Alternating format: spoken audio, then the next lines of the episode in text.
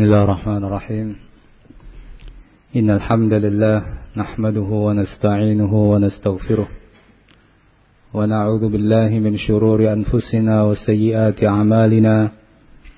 من يهده الله فلا مضل له ومن يضلل فلا هادي له.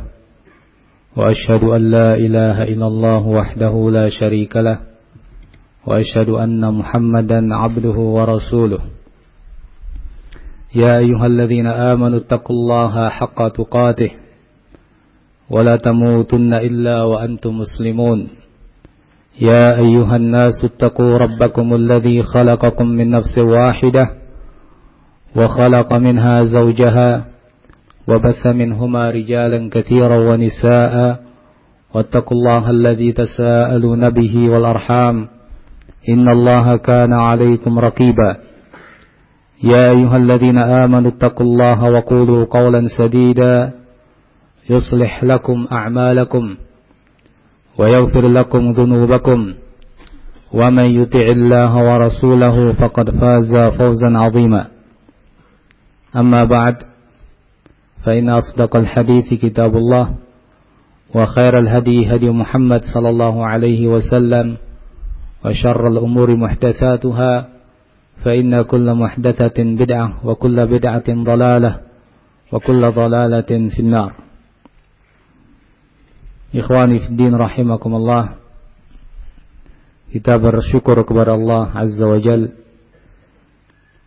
di mana pada malam hari ini Allah pertemukan kita dalam rangka talabul ilm mengkaji ayat-ayat Allah Subhanahu wa taala kita berharap masuk dalam hadis Rasulullah sallallahu alaihi wasallam وما اجتمع قوم في بيت من بيوت الله يتلون كتاب الله ويتدارسونه بينهم إلا نزلت عليهم السكينة وحفتهم الملائكة وغشيتهم الرحمة وذكرهم الله في من عنده dan tidaklah suatu kaum berkumpul di suatu masjid mengkaji ayat-ayat Allah kitabullah kecuali akan turun kepada mereka para malaikat dan turun kepada mereka sakinah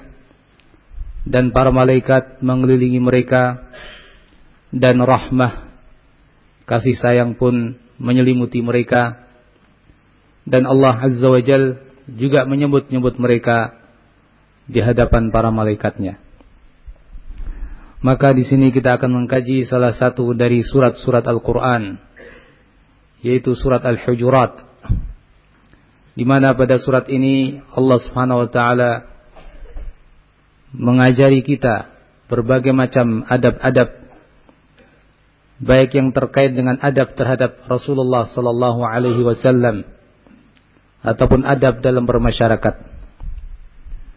Di mana dengan kita mengkaji adab-adab tersebut, maka kita harapkan diri-diri kita akan menjadi orang-orang yang berakhlak mulia, beradab yang mulia, sehingga kita mendapatkan pahala dari Allah Subhanahu wa taala dan kita berharap agama kita pun akan semakin baik serta kehidupan bermasyarakat pun akan semakin baik. Allah Subhanahu wa taala berfirman, "Ya ayyuhalladzina amanu la tuqaddimu baina yadayillahi wa rasulihi wattaqullaha innallaha samii'un 'alim." Wahai orang-orang yang beriman, janganlah kalian mendahului di hadapan Allah dan Rasulnya. Dan bertakwalah kalian kepada Allah. Sesungguhnya Allah subhanahu wa ta'ala sami'un alim. Maha mendengar lagi maha mengetahui. Allah subhanahu wa ta'ala menyeru kaum mukminin dengan sebutan alladzina amanu orang-orang yang beriman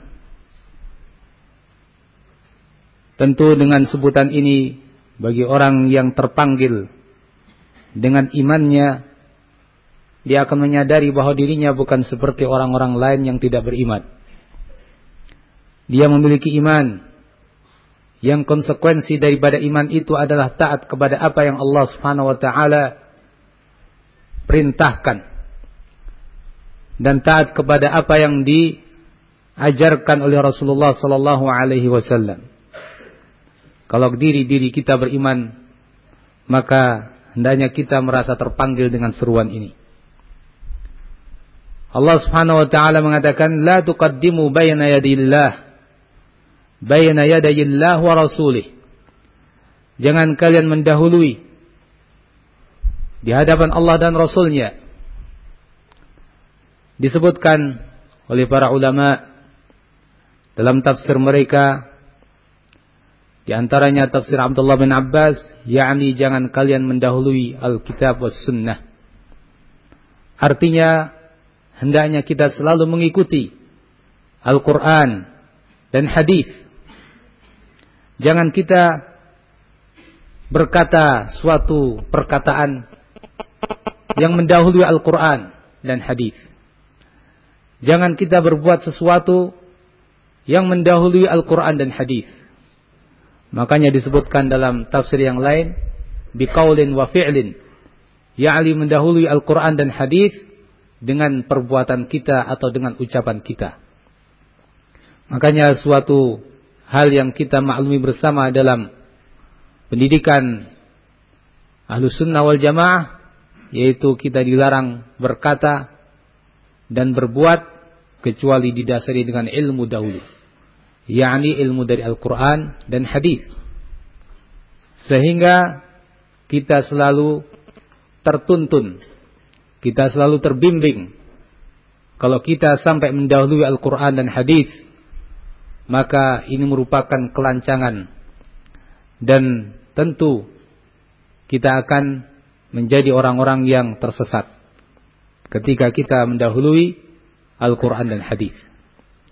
Maka ini merupakan adab yang pertama yang Allah ajarkan kepada kita, yaitu adab terhadap Allah Subhanahu Wa Taala dan juga adab terhadap Rasulnya Ali Salatu Wassalam.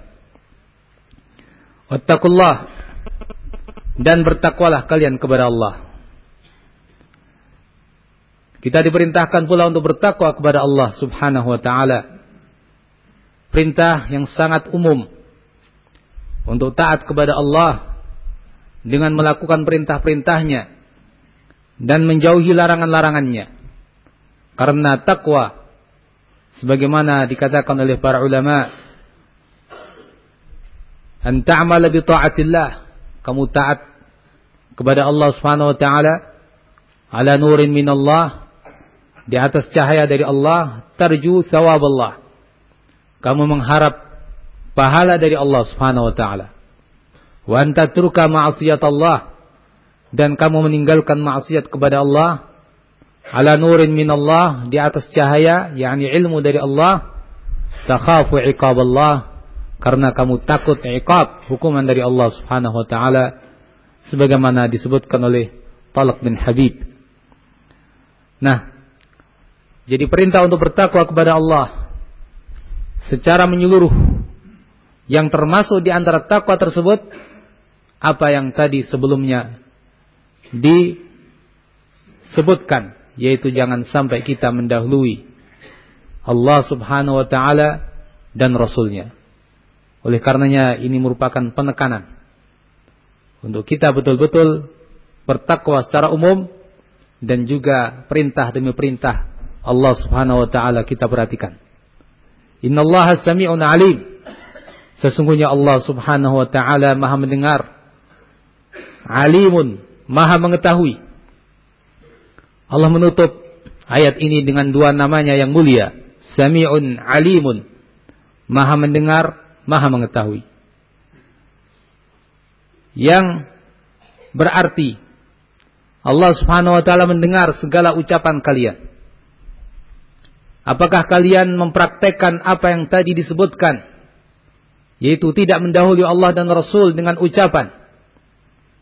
Dan Allah mengetahui apakah kalian realisasikan perintah itu untuk tidak mendahului Allah dan Rasulnya ataukah tidak.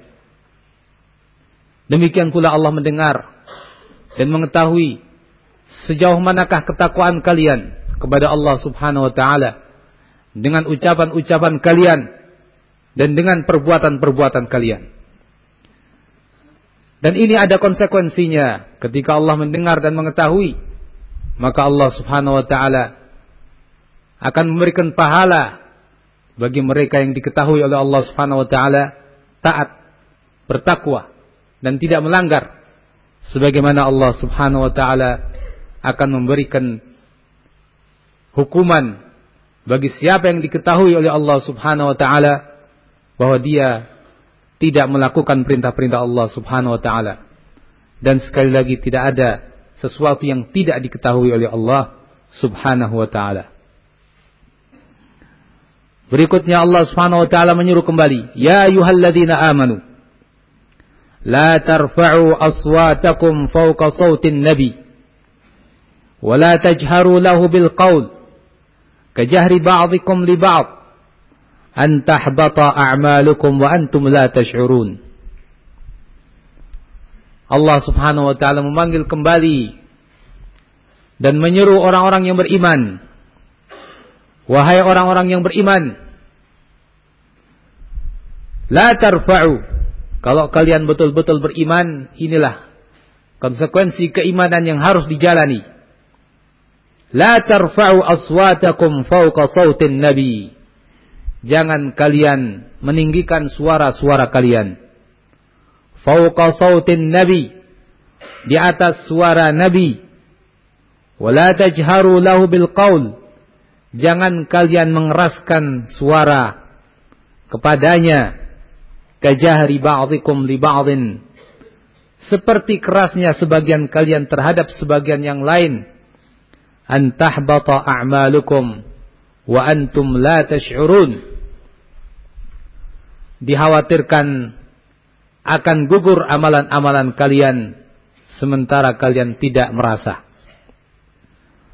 Pada ayat yang kedua ini Allah Subhanahu wa taala mengajari bagaimana kita beradab terhadap rasulnya.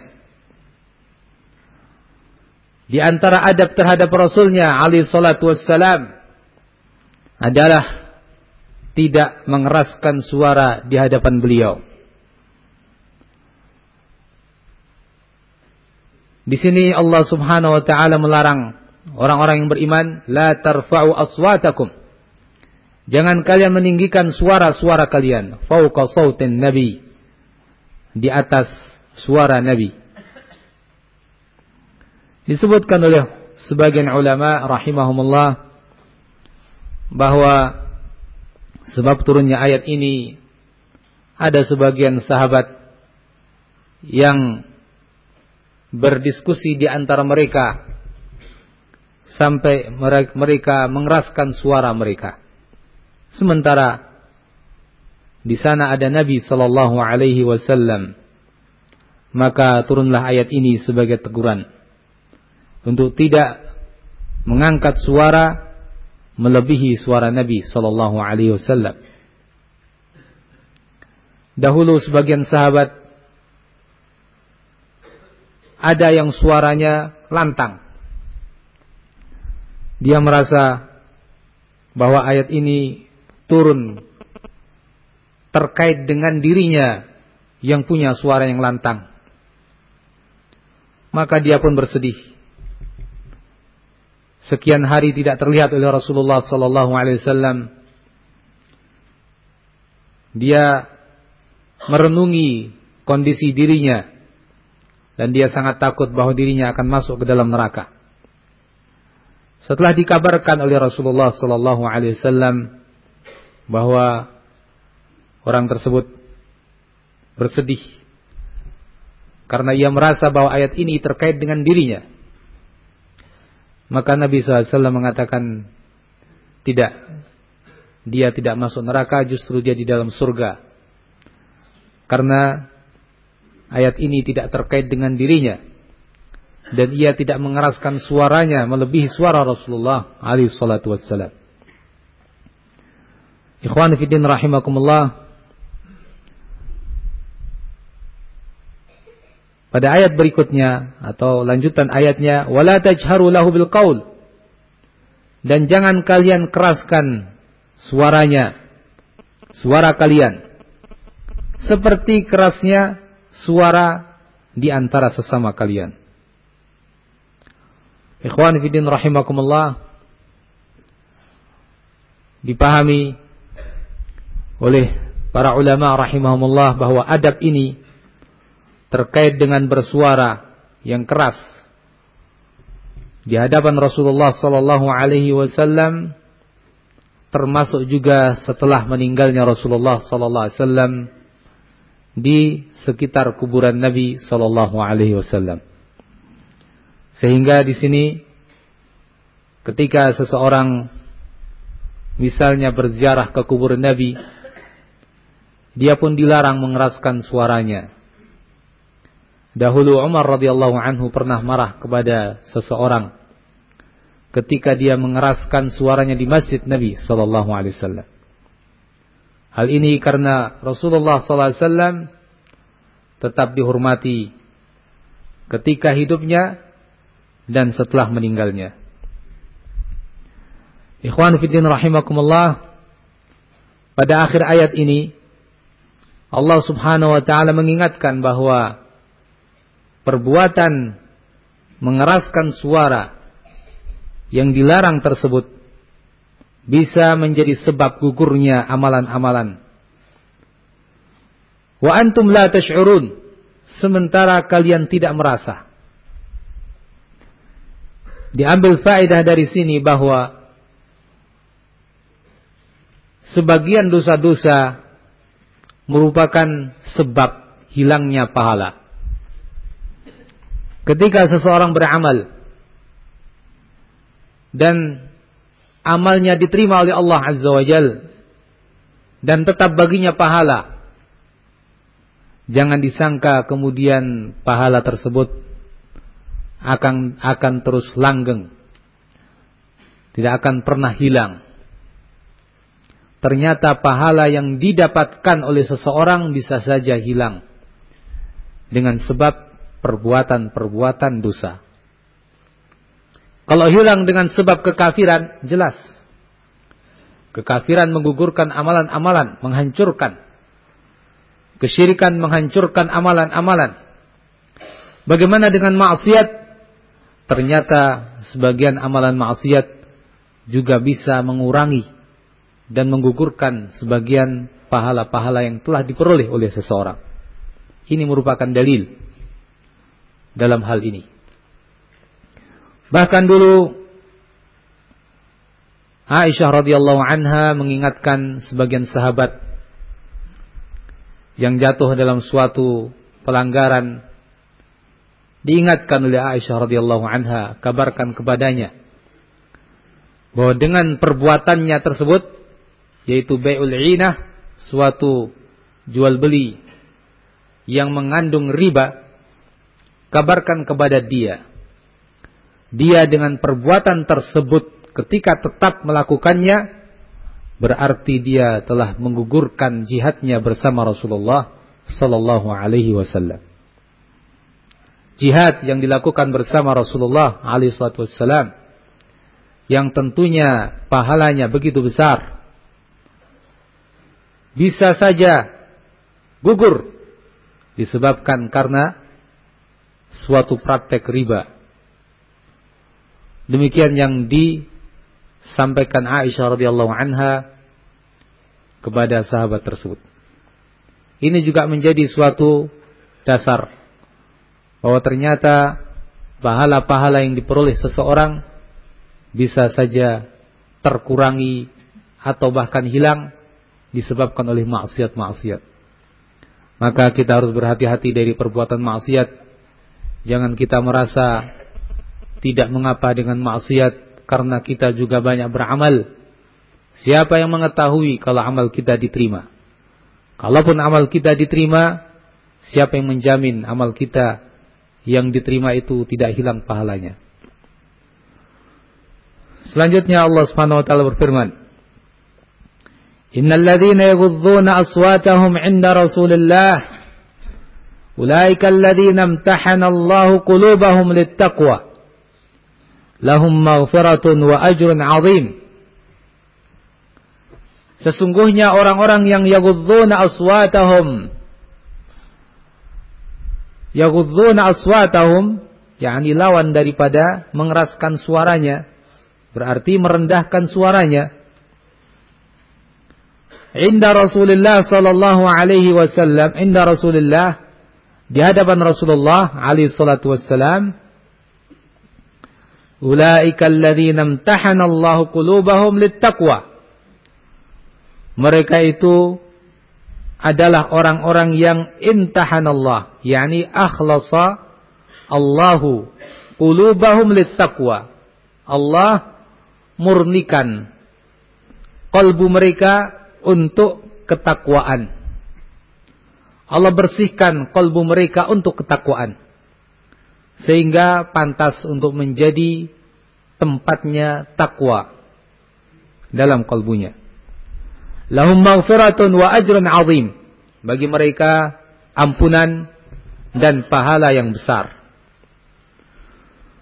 Pada ayat yang ketiga ini Allah Subhanahu wa taala juga mengajari adab yang itu merupakan konsekuensi daripada yang pertama tadi. Ketika dilarang meninggikan suara di hadapan Rasulullah, maka di sini Allah Subhanahu wa taala memuji mereka yang merendahkan suara di hadapan Rasulullah. Penuh dengan adab. Penuh dengan sopan santun di hadapan Rasulullah. Alaihi salatu wassalam. Mengetahui kedudukan Rasulullah sallallahu alaihi wasallam sebagai utusan Allah, pilihan Allah, orang yang paling mulia di hadapan Allah Subhanahu wa taala. Maka semestinya tiap-tiap orang memuliakan beliau di antaranya dengan merendahkan suara di hadapan beliau. Allah memuji mereka dan Allah mengatakan bahwa mereka yang semacam itu adabnya terhadap Rasulullah SAW adalah orang-orang yang imtahanallahu qulubahum littaqwa. Ay akhlasallahu qulubahum littaqwa. Yani Allah Subhanahu wa taala bersihkan kalbunya untuk menjadi tempat takwa. Menjadi orang yang pantas untuk mendapat karunia dari Allah berupa ketakwaan. Kalau begitu ikhwan fillah rahimakumullah kita ambil suatu faedah penting di sini bahwa ketakwaan yang ada di dalam kolbu kita seperti kata Nabi at-taqwa hahuna ketakwaan di sini dalam kolbu seseorang. Nah, kolbu ini harus menjadi tempat yang pantas untuk takwa kepada Allah Subhanahu wa taala. Ketika kalbu ini merupakan kalbu yang kotor, tidak baik, maka ia tidak pantas untuk menjadi tempatnya takwa. Nah, maka dari itu bagaimana supaya kalbu kita ini menjadi bersih sehingga ketakwaan pantas untuk bertempat padanya? Di antaranya lakukan adab ini. Rendahkan suara di hadapan Rasulullah. Maka balasannya kalbu kita akan dibersihkan oleh Allah Subhanahu wa taala. Sehingga pantas untuk menjadi tempatnya takwa. Dan ketika ketakwaan sudah bertempat pada kalbu kita, maka anggota badan kita pun akan ikut serta. Karena kalbu ini bagi anggota badan kita ibarat sebuah ibarat seorang komandan perang yang memerintahkan pasukannya. Semua perintah dari kolbu kita. Perintah kepada tangan kita untuk melakukan hal yang baik dari kolbu ini. Perintah kepada kaki kita untuk melangkahkan pada perkara-perkara kebajikan dari kolbu kita perintah kepada lisan kita untuk berkata yang baik, membaca Al-Quran, berzikir, amar ma'ruf nahi mungkar. Semuanya dari kalbu kita. Maka ketika kalbu ini menjadi tempat ketakwaan, beruntunglah dia. Karena semua anggota badan dia pun akan mengikuti ke dalam ketakwaan tersebut. maka Allah Subhanahu wa taala pun menjanjikan untuk mereka suatu pahala besar. Lahum maghfiratun wa ajrun azim. Untuk mereka ampunan dan pahala yang besar. Innal ladzina yunadunaka min wara'il hujurati aktsaruhum la ya'qilun. Pada ayat berikutnya Allah Subhanahu wa taala mengingatkan dan memberikan suatu contoh perilaku yang tidak baik dalam bab ini. Innalladzina yunadunaka. Sesungguhnya orang-orang yang memanggil-manggilmu Miwara'il hujurat Dari belakang Hujurat yakni kamar-kamar. Maksudnya adalah rumah-rumah istri Nabi Aktsaruhum la ya'qilun. Kebanyakan mereka adalah orang-orang yang tidak berakal. Nah Ini merupakan suatu teguran untuk mereka sekaligus contoh buat kita. Di mana ayat ini turun kepada mereka sebagian orang-orang Arab Badui yang memang sebagian tabiat mereka itu kaku dan kasar. Datang kepada Rasulullah sallallahu alaihi wasallam sementara Rasulullah alaihi wasallam masih di rumahnya. Dia pun tidak bersabar dan memanggil-manggil Ya Muhammad, Ya Muhammad. Wahai Muhammad, wahai Muhammad. Ya. Dengan panggilan-panggilan keras langsung dengan menyebut nama beliau. Padahal Allah mengatakan la taj'alu du'a ar-rasuli bainakum ka du'a'i ba'dikum ba'dha. Jangan kalian jadikan panggilan kalian terhadap Rasul seperti panggilan kalian kepada sebagian yang lain. Jangan memanggil Rasulullah langsung dengan Ya Muhammad. Panggil beliau dengan Ya Nabi Allah, wahai Nabi Allah. Ya Rasulullah, wahai Rasulullah. Sementara orang tadi dengan suara yang lantang dan keras mengatakan Ya Muhammad, Ya Muhammad. Inna madhi la zainun wa inna dhammi la syainun. Ditambah lagi ucapannya sesungguhnya memuji aku itu merupakan kebaikan dan mencela aku itu merupakan kejelekan. Datanglah teguran. Zakallah yang seperti itu adalah Allah. Kalau manusia ya tidak seperti itu. Lihat kondisi manusianya.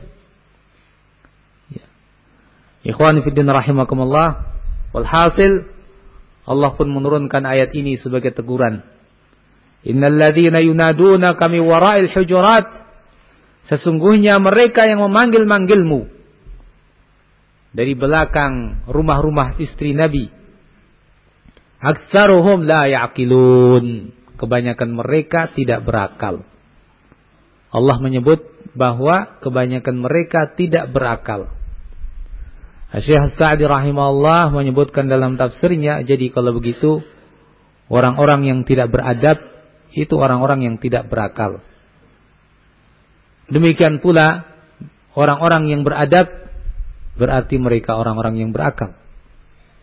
Nah, diambil dari ayat ini. Allah pun mengatakan walau annahum sabaru seandainya mereka bersabar hatta takhruja ilaihim sampai engkau keluar kepada mereka lakana khairan lahum tentu itu akan lebih baik untuk mereka wallahu ghafurur rahim sesungguhnya Allah Subhanahu wa taala Maha Pengampun dan Maha Penyayang nah Allah mengingatkan mereka agar mereka bersabar. Walau annahum sabaru. Seandainya mereka mau bersabar, tunggu. Ketika Rasulullah sallallahu alaihi wasallam di rumahnya bersabarlah. Jangan terburu-buru sampai memanggil-manggil dengan cara seperti itu. Bersabarlah hatta takhruja ilaihim sampai engkau keluar kepada mereka. Seandainya mereka mau bersabar, lakana khairal lahum tentu itu akan lebih baik untuk mereka. Mereka menjadi orang-orang yang beradab. Mereka tidak disebut sebagai orang-orang yang tidak berakal. Mereka tidak menjadi contoh yang jelek. Seandainya mereka mau bersabar. Tapi ketika mereka tidak bersabar turunlah ayat-ayat ini yang mengecam mereka. Wallahu ghafurur rahim dan Allah Subhanahu wa taala Maha peng, pengampun. rahim dan Maha penyayang, pengasih. Allah Azza wa Jalla menutup ayat ini dengan dua namanya. Ghafurur Rahim. Sebagai isyarat agar mereka memohon ampunan kepada Allah Azza wa Jalla. Karena Allah Maha Pengampun. Dan bila mereka memohon ampunan kepada Allah, atas perbuatan yang telah terjadi, maka Allah mengampuni. Allah menyayangi. Karena ahibbati fillah rahimakumullah, ampunan Allah Subhanahu wa taala maha luas. Kasih sayang Allah Subhanahu wa taala maha luas, wa rahmati wasi'at kulla. Dan rahmatku mencakup segala sesuatu. Maka dengan ini ya Allah Subhanahu wa taala mengisyaratkan agar mereka yang jatuh dalam kesalahan segera bertaubat kepada Allah. Bahkan siapa pun yang jatuh dalam kesalahan segera bertaubat kepada Allah Subhanahu wa taala. Allah Subhanahu wa taala akan menerima taubatnya. Allah akan mengampuninya dan Allah Subhanahu wa taala akan memberikan kepadanya kasih sayang. Watubu ilallahi jami'an ayyuhal mu'minun la'allakum tuflihun. Dan bertaubatlah kalian semuanya. Wahai kaum mukminin, mudah-mudahan kalian mendapatkan keberuntungan. Nah, ini artinya bahwa yakni dosa-dosa apa pun ya, kalau seseorang bertaubat dengan taubat yang benar-benar dengan taubatan nasuha maka Allah Subhanahu wa taala masih terus mengampuninya selama syarat-syarat taubat itu terpenuhi. Selanjutnya Allah Subhanahu wa taala berfirman, "Ya ayyuhalladzina amanu in ja'akum fasiqun binaba'in in ja'akum fasiqun binaba'in fatabayyanu an tusibu qauman bijahalatin fatusbihu ala ma fa'altum nadimin. Wahai orang-orang yang beriman, bila datang kepada kalian seorang yang fasik, binabain dengan membawa suatu berita, fatabayyanu, maka tabayyanu carilah kejelasan bertasabbut mencari kepastian berita tersebut. Antusibu qauman bijahalah, khawatir kalian menimpakan suatu musibah kepada sebuah kaum bijahalatin dengan dasar ketidaktahuan dengan dasar kebodohan terhadap hakikat sesuatu Fatusbihu sehingga kalian menjadi ala ma fa'altum nadimin orang-orang yang menyesal atas apa yang kalian lakukan. Pada ayat ini Allah Subhanahu wa taala juga memberikan kepada kita adab yang lain. Adab yang sangat bermanfaat baik terkait dengan bagaimana kita beradab terhadap Rasulullah maupun terkait bagaimana kita beradab terhadap sesama kita. Yaitu bagaimana adabnya dalam menangkap suatu berita. Di sini Allah Subhanahu wa taala lagi menyeru orang-orang yang beriman, ya ayyuhalladzina amanu. Wahai orang-orang yang beriman. Selaku seorang mukmin hendaknya terpanggil untuk mendengarkan apa yang Allah Subhanahu wa taala sebutkan. Kalau datang kepada kalian orang yang fasik. Siapa itu orang yang fasik? Orang-orang yang berbuat maksiat, dosa besar. Lawannya orang yang soleh, orang yang baik, yang muti', orang yang taat kepada Allah. Lawannya orang yang adil, yaitu saleh. Baik agamanya, jujur kata-katanya. Kalau ada orang yang fasik, kita melihat dia sebagai orang yang fasik melakukan dosa besar. Lalu dia datang dengan suatu berita. Ya, datang dengan suatu berita. Dan sesungguhnya di sini juga perlu kita tahu dosa besar itu macam-macam. Di antaranya bohong itu dosa besar, dosa besar dan juga maksiat-maksiat yang lain. Khianat, dosa besar. Nah, yang terkait dengan berita-berita ini ya harus dilihat. Kalau dia ternyata orang yang fasik datang dengan suatu berita, jangan langsung kita terima. Tapi kata Allah Subhanahu wa taala fatabayyanu. Sebagaimana disebutkan dalam bacaan yang lain fatasabbatu. yakni carilah kejelasan dan kepastian berita tersebut. Ya. Kenapa? Allah mengatakan, khawatir kalau kalian langsung terima, kalian akan menimpakan kepada sebuah kaum dijahalah dengan kebodohan.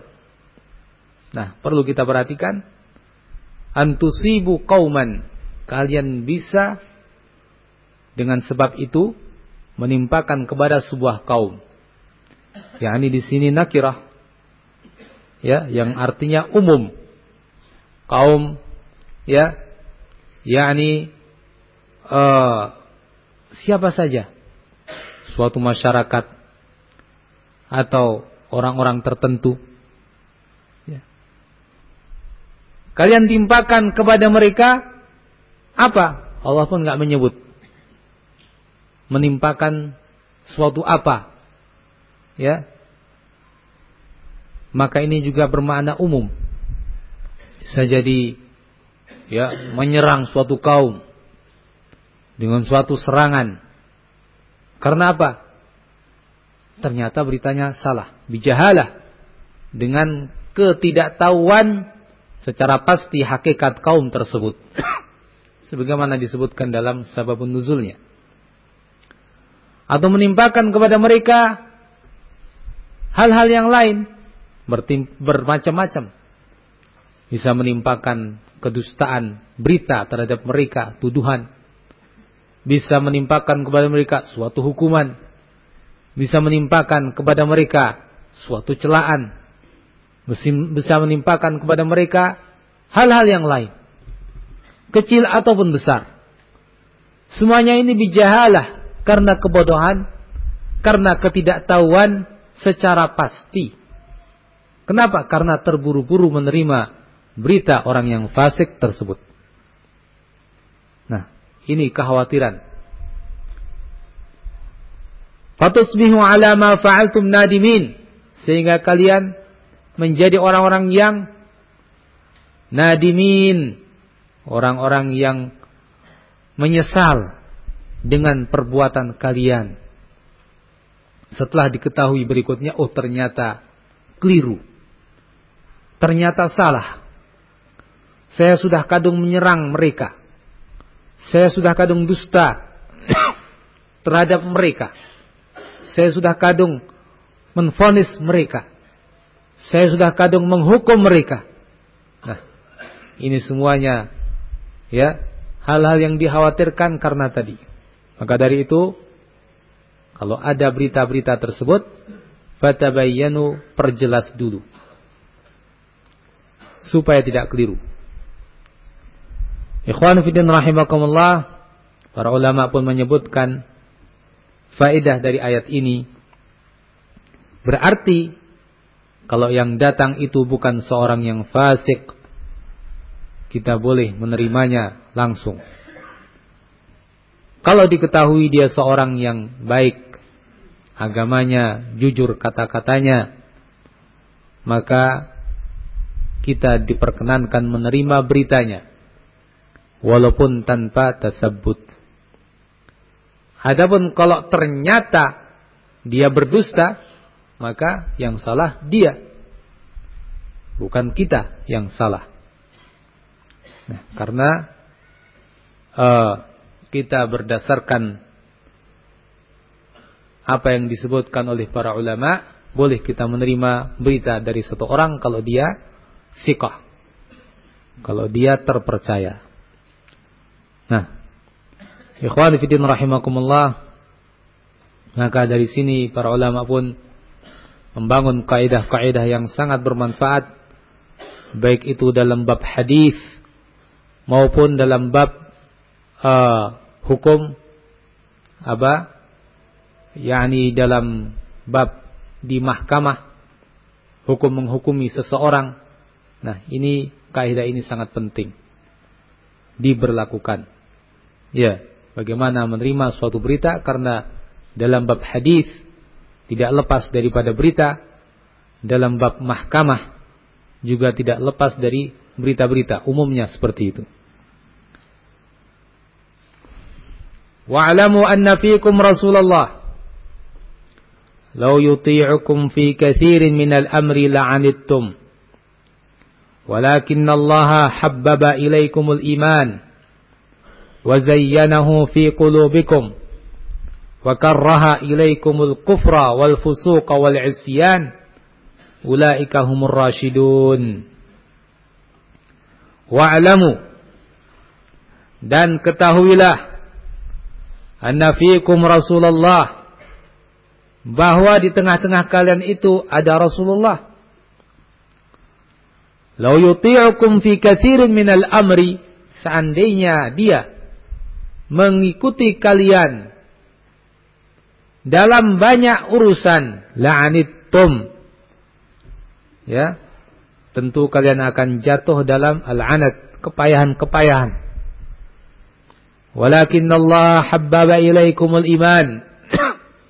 Akan tetapi Allah Subhanahu wa taala menjadikan kalian cinta kepada iman wa zayyanahu fi qulubikum dan menjadikannya indah pada kalbu kalian. Wa karraha ilaikumul kufra dan Allah membuat benci kepada kalian kekafiran wal fusuqa wal isyan. Demikian pula kefasikan dan maksiat-maksiat. Ulaika humur rasyidun. Mereka lah orang-orang yang terbimbing. Mendapat bimbingan. Pada ayat ini Allah Subhanahu wa taala mengingatkan bahwa di tengah-tengah kalian ada Rasulullah Ya. Dan terkait dengan berita-berita ya. Diingatkan pada ayat yang lain. Dalam surat An-Nisa فَإِذَا جَاءَهُمْ أَمْرٌ مِنَ الْأَمْنِ أَوِ الْخَوْفِ أَذَاعُوا بِهِ walau radduhu ila rasuli wa ila ulil amri minhum الذين alladhina yastambitunahu mereka itu orang-orang ya jika datang kepada mereka berita terkait dengan sesuatu yang besar keamanan atau ketakutan suatu masyarakat tiba-tiba mereka menyebarkan. Seandainya mereka beritakan kepada Rasul dan ulil amri di antara mereka, maka akan mengetahuilah orang-orang yang mampu mengambil uh, apa kesimpulan atau hukum atau yang maslahat di antara mereka. Istambitunahu minhum. Nah, di sini Allah juga mengingatkan bahwa di tengah-tengah kalian ada Rasulullah. Ya. Artinya kita selalu kembali kepada beliau. Kalau dulu ketika Rasulullah SAW hidup, ya kembali langsung kepada Rasulullah Ketika Rasulullah SAW telah wafat, ya kita senantiasa kembali kepada tuntunan-tuntunannya dan ajaran-ajarannya. Ya. Disebutkan dalam tafsir-tafsirnya, kenapa kita kembalikan kepada Rasulullah? Karena Rasulullah lebih tahu. Karena Rasulullah bahkan lebih kasihan terhadap kita, terhadap diri kita, terhadap kita. Ya. Maka dari itu ikuti Rasulullah. Allah telah mensifati bagi pada Rasulnya sifat-sifat mulia. Laqad ja'akum rasulun min anfusikum azizun 'alaihi ma 'anittum harisun 'alaikum bil mu'minina raufur rahim. Telah datang kepada kalian sebagaimana dalam surat apa? At-Taubah. Telah datang kepada kalian rasul min anfusikum dia itu dari diri kalian. Azizun alaih ma'anittum. Berat baginya sesuatu yang memberatkan kalian. Ya. Betul-betul merasa yang seperti itu terhadap kalian sangat memiliki kasih sayang, tidak mau memberatkan kalian. Harisun alaikum sangat punya hirs terhadap kalian, yakni keinginan-keinginan baik terhadap kalian dan raufun rahim, punya kasih sayang terhadap kaum mukminin. Inilah sifat Rasulullah. Sementara kita terhadap diri kita belum mesti seperti itu. Tidak sedikit orang-orang yang sengaja mencelakai dirinya atau melakukan hal yang dia sangka baik terhadap dirinya ternyata itu jelek buat dirinya. Nah, itu kelemahan kita. Tapi Rasulullah tidak. Rasulullah keinginan baiknya terhadap kita sangat besar dan dia tahu apa yang maslahat buat kita berdasarkan berita dari Allah Subhanahu wa taala. Maka kalau ada apa-apa serahkan kepada Rasulullah alaihi wasallam. Ada apa-apa bagi kita di masa ini lihat bagaimana tuntunan beliau alaihi wasallam. Jangan memakai akal kita karena akal kita ini kurang. Jangan menyimpulkan semata-mata dari diri kita karena walaupun kita anggap itu baik bisa jadi itu tidak baik. Makanya Allah katakan la yuti'ukum fi katsirin minal amri la'anittum. Seandainya Rasulullah selalu mengikuti kalian, apa maunya kalian dituruti oleh Rasulullah? Ya, itu akan justru menjadi beban buat kalian. Kenapa? Karena kalian tidak tahu apa yang maslahat buat kalian. Jadi justru ketika Nabi mengikuti umatnya apa yang dimaukan mereka itu akan menjadi kepayahan dan beban buat umat ini. Dan sebaliknya ketika umat ini menyerahkan kepada Rasulullah, menyerahkan kepada ajaran-ajarannya, itu akan menjadi maslahat buat kita. Kebaikan buat kita dan sesuatu yang tidak memberatkan kita. Allah telah mengatakan ja'ala 'alaikum fid din min haraj. Allah tidak menjadikan pada agama kalian ini keberatan buat kalian. Ya. Inna hadha din yusr. Agama ini sungguhnya mudah. Jadi ini juga peringatan bagi kita semua bahwa ya manusia dengan apa yang mereka miliki dari pengetahuan akal pikiran mereka itu tetap masih apa kurang ya. berbeda dengan apa yang diputuskan Rasulullah itu berdasarkan wahyu itulah hukum yang sempurna. Itulah bimbingan yang sempurna. Itulah yang akan membawa kebaikan di dunia dan di akhirat. Walakin Allah habbaba ilaikumul iman. Akan tetapi Allah Subhanahu wa taala menjadikan kalian cinta kepada iman. Wa zayyanahu fi qulubikum. Dan menjadikannya indah di kalbu kalian. Nah, ini juga karunia besar dari Allah Subhanahu wa taala atas kita semua dengan taufik dari Allah Subhanahu wa taala sehingga kita cinta kepada iman dan memandangnya sesuatu yang indah dan baik. Sehingga kita bisa menjalani iman dengan mudah. Dengan mudah. Sebagaimana Allah Subhanahu wa taala yang membuat kita benci kepada kekafiran, kefasikan dan kemaksiatan. Kekafiran ma'ruf satu hal yang kita ketahui. Kefasikan yakni dosa-dosa besar. Hal isyan semua macam kemaksiatan. Semua ini ketika kita benci terhadapnya karena Allah lah yang memberikan taufik kepada kalbu kita sehingga kita benci terhadapnya.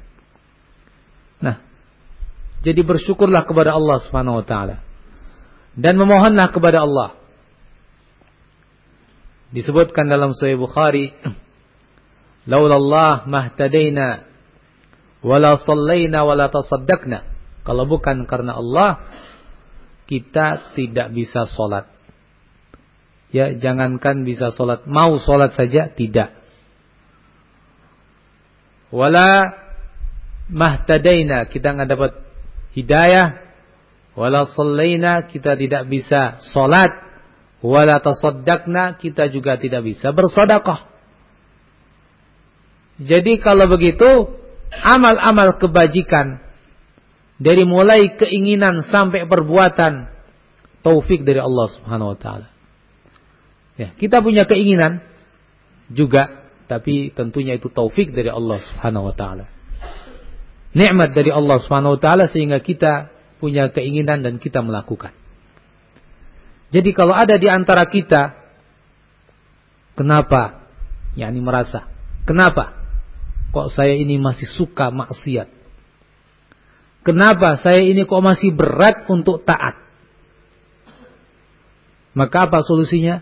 Minta kepada Allah. Supaya Allah subhanahu wa ta'ala membuat kita cinta kepada ketaatan dan membuat kita benci kepada kemaksiatan. Makanya salah satu doa yang maksur diriwayatkan adalah Allahumma habib ilayna al-iman wa zayyinhu fi qulubina wa karrih ilayya al-kufra wal fusuqa wal isyan waj'alna minar rasyidin. Ini salah satu doa yang maksur yang diriwayatkan dari Rasulullah sallallahu alaihi wasallam. Ya Allah, habib ilayyal iman. Jadikan iman itu kami cintai. Wa zayyinhu fi qulubina dan hiaskanlah iman dalam kalbu kami. Wa karrih al-kufra wal fusuqa wal isyan. dan jadikan kekafiran, maksiat dan kefasikan itu ben kami benci terhadapnya. Serta jadikan kami orang-orang yang mendapat bimbingan. Nah, jadi sepantasnya kita senantiasa juga memanjatkan doa tersebut sehingga kita memperoleh hidayah dari Allah Subhanahu wa taala dan kita berjalan di atas bimbingan dari Allah Subhanahu wa taala dan rasulnya. Fadlan minallahi wa ni'mah. Keutamaan dari Allah wa ni'mah dan nikmat dari Allah. Wallahu alimun hakim. Dan Allah Subhanahu wa taala Maha mengetahui dan Maha bijaksana.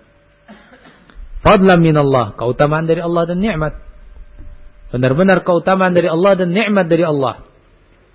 Ya, jangan merasa bahwa kita beriman karena kepantasan kita. Memang kita ini pantas untuk jadi orang yang beriman. Ya.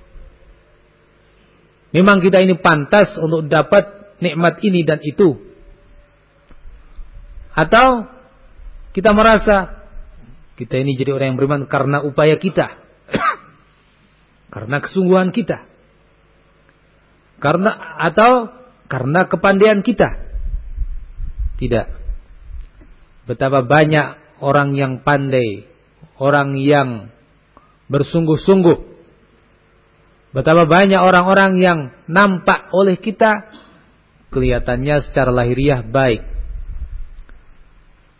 tapi ternyata mereka tidak mendapat hidayah dari Allah Azza wa Jalla. Maka sadarilah. Betul-betul hidayah itu nikmat dari Allah Subhanahu wa taala. Betul-betul nikmat duniawi dan ukhrawi itu dari Allah Subhanahu wa taala. Oleh karenanya kita dianjurkan senantiasa membaca ihdinas siratal mustaqim. Ya. Walaupun kita ini sudah uh, menjadi orang muslim, tetap ihdinas siratal mustaqim. Supaya hidayah kita ini sempurna dan terus istiqamah di atas hidayah yang Allah telah berikan kepada kita. Sehingga kita berharap sampai mati pun kita mati di atas hidayah. Fadlan min Allah, keutamaan dari Allah wa ni'mah nikmat dari Allah Azza wa Jal. Wallahu alimun hakim. Allah maha mengetahui dan Allah maha bijaksana. Maha mengetahui terhadap segala sesuatu dan termasuk amal-amal kalian. Allah ketahui semua. Dan Allah maha hikmah dalam syariat-syariatnya. Maha hikmah dalam ketetapan-ketetapannya. Ya. Nampaknya sudah Isya ini. Bagaimana mau adan? Biasanya bagaimana? Adan? Atau Hah? 15 menit lagi. Hah? Apa anda nggak bisa melihat? Itu 7 10 ya. Ya. Baik. وإن طائفتان من المؤمنين اقتتلوا فأصلحوا بينهما فإن بغت إحداهما على الأخرى فقاتلوا التي تبغي حتى تفيء إلى أمر الله. فإن فاءت فأصلحوا بينهما بالعدل. وأقسطوا إن الله يحب المقسطين. dan apabila dua kelompok dari kaum mukminin iktatalu saling berperang. Fa aslihu bainahuma.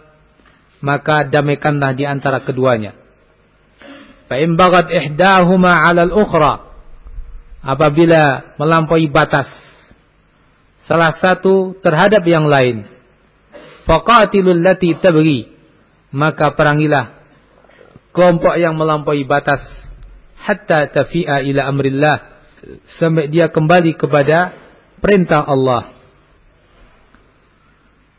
Fa in fa'at maka apabila dia kembali fa aslihu bainahuma maka damaikanlah di antara keduanya bil adl dengan keadilan wa aqsitu dan berbuat adillah. Innallaha yuhibbul muqsitin. Sesungguhnya Allah Subhanahu wa taala mencintai orang-orang yang muqsitin berbuat adil. Nah ini juga adab yang Allah Subhanahu wa taala ajarkan kepada kita bila terjadi peperangan di antara dua kelompok kaum muslimin.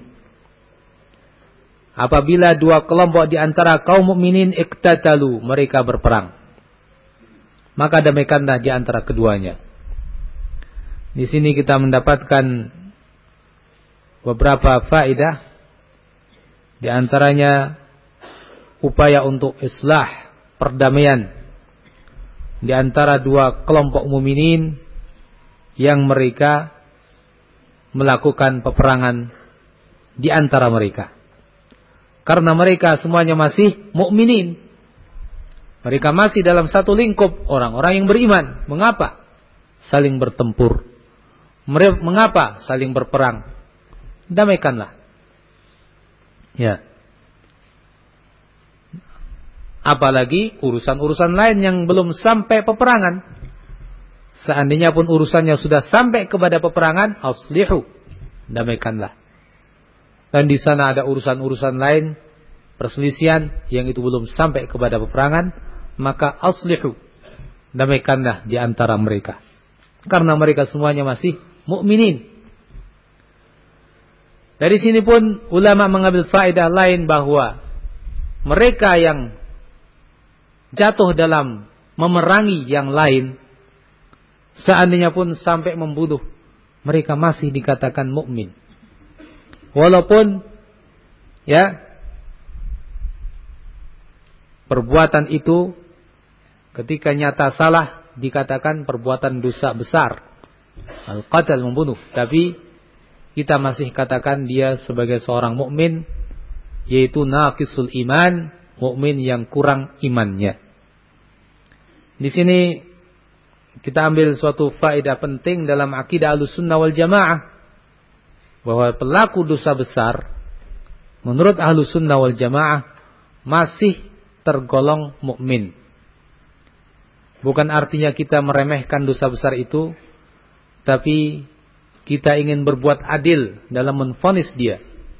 Kita tidak katakan dia kafir. Sebagaimana akidah orang-orang khawarij. Atau sebagaimana akidah orang-orang mu'tazilah yang mengatakan dia bukan orang mukmin walaupun juga bukan orang kafir. Fi manzilatin baina manzilatain pada suatu kedudukan di antara kedua dua kedudukan. Menurut Mu'tazilah. Nah, ikhwan fillah rahimakumullah, jadi ayat ini merupakan dalil bagi ahlu sunnah wal jamaah seorang yang berdosa besar masih mukmin walaupun naqisul iman, mukmin yang imannya kurang. Ya. Atau disebut fasik, seorang yang fasik. Nah ini salah satunya bentuk orang yang fasik seperti ini. Atau disebut al-fasikul milli, seorang yang fasik dalam agama ini. Ya, al-fasikul milli. Atau mukminun bi imanihi fasikun bi kabiratihi. Dengan imannya disebut mukmin, dengan dosa besarnya disebut fasik. Ini semuanya adalah ungkapan-ungkapan ulama Ahlus Sunnah terhadap orang yang jatuh dalam dosa besar, termasuk membunuh. Namun perlu kita ingat bahwa membunuh merupakan suatu dosa yang sangat besar sekali, tidak boleh diremehkan karena Allah mengancam dengan ancaman yang sangat besar sebagaimana dalam dalam surat An-Nisa. Ala kulli hal bila terjadi itu di antara kaum mukminin, maka tempuhlah usaha untuk mendamaikan di antara mereka. Kalau sampai salah satunya melampaui batas ya, terhadap yang lain usaha untuk didamaikan tidak bisa, tidak berhasil. Kenapa? Karena salah satunya melampaui batas, tidak mau diajak untuk damai. Sehingga kelompok yang ini terus memerangi. Maka qatilul lati tabgi, mereka yang melampaui batas itu harus diperangi. Hatta tafi'a ila amrillah sampai dia kembali kepada urusan Allah perintah Allah Subhanahu wa taala. Nah, ini pun sebagai dalil bagi ahlu sunnah wal jamaah ketika ada suatu kelompok memerangi penguasa muslim penguasa muslim sah ya sebagai penguasa walaupun ada kekurangannya tapi dia tetap sebagai seorang muslim menjaga solatnya maka tidak boleh dilakukan pemberontakan kepadanya. Ketika ada orang-orang yang melakukan kekerasan, pemberontakan kepadanya, maka kelompok ini harus diperangi sampai mau kembali kepada perintah Allah. Kalau tidak, maka terus diperangi. Fa'in bagat, fa'in fa'at. Kalau dia mau kembali, Fa'aslihu bainahuma maka lakukan perdamaian dengan cara yang adil. Ya, dengan cara yang adil, bukan dengan cara yang mengandung kezaliman kepada salah satu pihak. Perdamaian-perdamaian itu banyak, tapi banyak pula perdamaian yang tidak dengan cara keadilan. Maka Allah Subhanahu wa taala merintahkan lakukan perdamaian bil adil dengan keadilan. Bahkan ditegaskan lagi dengan kata-kata berikutnya wa aqsitu dan berbuat adillah. Nah, ini penegasan. Ya, jangan sampai dalam perdamaian-perdamaian itu mengandung unsur kezaliman kepada pihak yang lain. Innallaha yuhibbul muqsitin. Sesungguhnya Allah Subhanahu wa taala mencintai orang-orang yang berbuat adil. Muqsitin, orang-orang yang berbuat adil. Di sini ada kata muqsitin dan ada kata al-qasitin ya dua kata yang mirip tapi sangat berbeda maknanya. Ya kalau al-muqsitin orang yang adil kalau qasitin sebaliknya orang yang uh, curang atau orang yang bermaksiat atau orang yang tidak baik ya itu al-qasitin. Nah Allah azza wajal mengatakan innallaha yuhibbul muqsitin sesungguhnya Allah mencintai orang-orang yang berbuat adil yang uh, konsekuensinya kalau begitu Allah Subhanahu wa taala akan pula memberikan pahala kepadanya. Karena Allah mencintainya maka Allah Subhanahu wa taala akan memberikan kepada dia apa yang dia minta bahkan mungkin lebih daripada itu. Innamal mu'minuna ikhwah Faslihu baina akhwaikum wattaqullaha la'allakum turhamun. Sesungguhnya kaum mukminin itu ikhwah, saling bersaudara. Fa aslihu baina akhwaikum. Maka aslihu maka perbaikilah di antara dua saudara dua akhwaikum dua saudara kalian wattaqullah dan bertakwalah kepada Allah Subhanahu wa taala la'allakum turhamun mudah-mudahan kalian mendapatkan rahmat dari Allah Subhanahu wa taala. Allah mengingatkan bahwa hakikat kaum mukminin mereka itu orang-orang yang saling berukhuwah, saling bersaudara, bukan saling bermusuhan dan saling benci-membenci di antara mereka. Sehingga apa pun yang terjadi di antara mereka berusaha untuk melakukan perbaikan demi perbaikan Makanya Rasulullah sallallahu alaihi wasallam mengatakan mengatakan dalam hadisnya ya uh, al-muslimu akhul muslim. Seorang muslim saudara bagi muslim yang lain.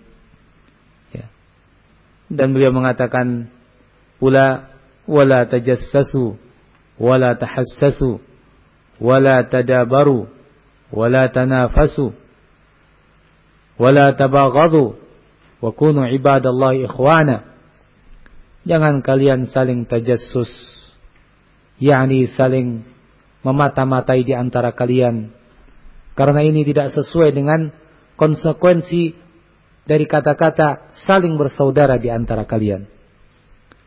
Wala tahassasu dan jangan pula kalian saling tahassus.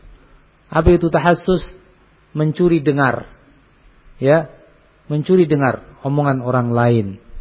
Karena ini juga tidak sesuai dengan konsekuensi daripada kata-kata saling bersaudara. Wala tanafasu, jangan saling bersaing di antara kalian. Ini juga merupakan hal yang bisa memudarkan persaudaraan di antara kalian. Wala tabaghadu, jangan pula kalian saling membenci ini bukan merupakan konsekuensi daripada saling bersaudara di antara kalian, bahkan akan memudarkan bersaudaraan di antara kalian. Wala tadabaru, jangan pula di antara kalian saling membelakangi. Karena ini juga merupakan hal yang memudarkan persaudaraan di antara kalian. Wa kunu ibadallahi ikhwana dan jadilah kalian hamba-hamba Allah yang saling bersaudara. Demikian sabda Rasulullah alaihissalam mengingatkan kita bahwa kita harus melakukan hubungan persaudaraan di antara mukminin dan juga konsekuensi daripada persaudaraan tersebut serta menghilangkan segala sebab yang akan memudarkan persaudaraan-persaudaraan uh, yang Allah Subhanahu wa taala perintahkan itu. Demikian Allah Subhanahu wa taala mengatakan pada akhirnya wattaqullah. Bertakwalah kalian kepada Allah. La'allakum turhamun. Mudah-mudahan kalian mendapatkan rahmat Allah. Dirahmati oleh Allah Subhanahu wa taala. Dan kalau begitu ini merupakan kunci untuk mendapatkan rahmat dari Allah bertakwa kepada Allah secara umum dan lebih khusus juga dalam perintah-perintah yang sebelumnya disebutkan itu. Demikian fillah rahimakumullah beberapa ayat yang bisa kita kaji pada kesempatan malam hari ini. Semoga Allah Subhanahu wa taala menjadikan kita sebagai orang-orang alladzina yattabi'una yastami'una al-qawla fayattabi'una ahsanah orang-orang yang mendengarkan ucapan dan mengikuti yang baik dari ucapan tersebut. Subhanakallahumma bihamdik. Asyhadu an la ilaha illa ant. Astaghfiruka wa atubu ilaik. Alhamdulillah rabbil alamin